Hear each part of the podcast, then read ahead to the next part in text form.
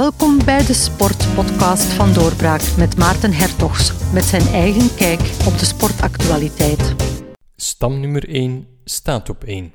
De landstitel is na 66 jaar eindelijk binnen. De beker was er al, maar in het licht van de landstitel is de beker maar de beker. En trouwens, die beker was er drie jaar geleden ook al eens. De vreugde om de landstitel en in één klap de dubbel was verreweg meer dan dubbel zo groot als bij het winnen van de beker. En staat een bekermatch gewoonlijk garant voor spanning tot in de laatste minuut? Wel, dit seizoen waren de play-offs van de Jupiler Pro League een gekkenhuis. Wie had op zo'n ontknoping durven gokken? BWin is exclusieve bettingpartner van de Jupiler Pro League. De shirtsponsor van Antwerp is BetFirst en de hoofdaandeelhouder van Union, een sportgokker en pokerspeler. Het gokken en sport zijn triest genoeg diep verweven. Maar wie durfde afgelopen zondag tijdens de match geld zetten op wie kampioen zou worden?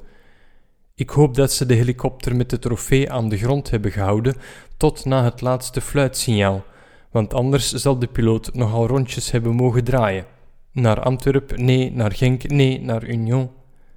Union was tegen Brugge op voorsprong gekomen. Het afgelopen seizoen had Union niet één match waarin ze op voorsprong kwamen verloren. Het leek met andere woorden zowat vast te liggen. Het zou Union worden, de ploeg van gokmiljardair Tony Bloom. Een Brit die tijdens zijn leven vaak goed gegokt heeft. En ook nu leek het weer van dat. Na 88 jaar zou Sint-Gillis nog eens de ploeg van de hoofdstad zijn.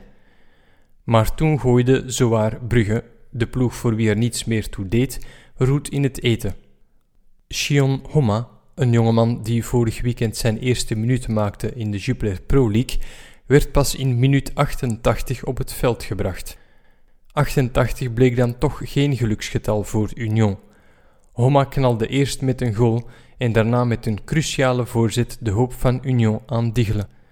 88 jaar zal minstens 89 jaar worden. De helikopter kon weer richting Genk vliegen. Daar was ondertussen ook de extra tijd ingegaan.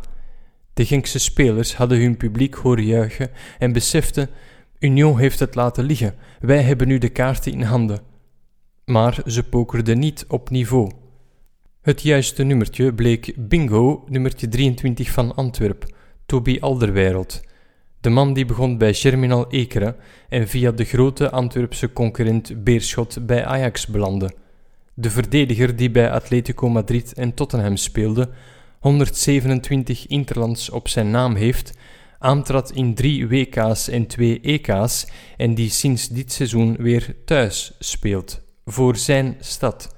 Nummer 23 schudde in extremis een wereldgoal uit zijn voeten na alle faam die hij internationaal mocht smaken, alsnog de mooiste goal uit zijn carrière.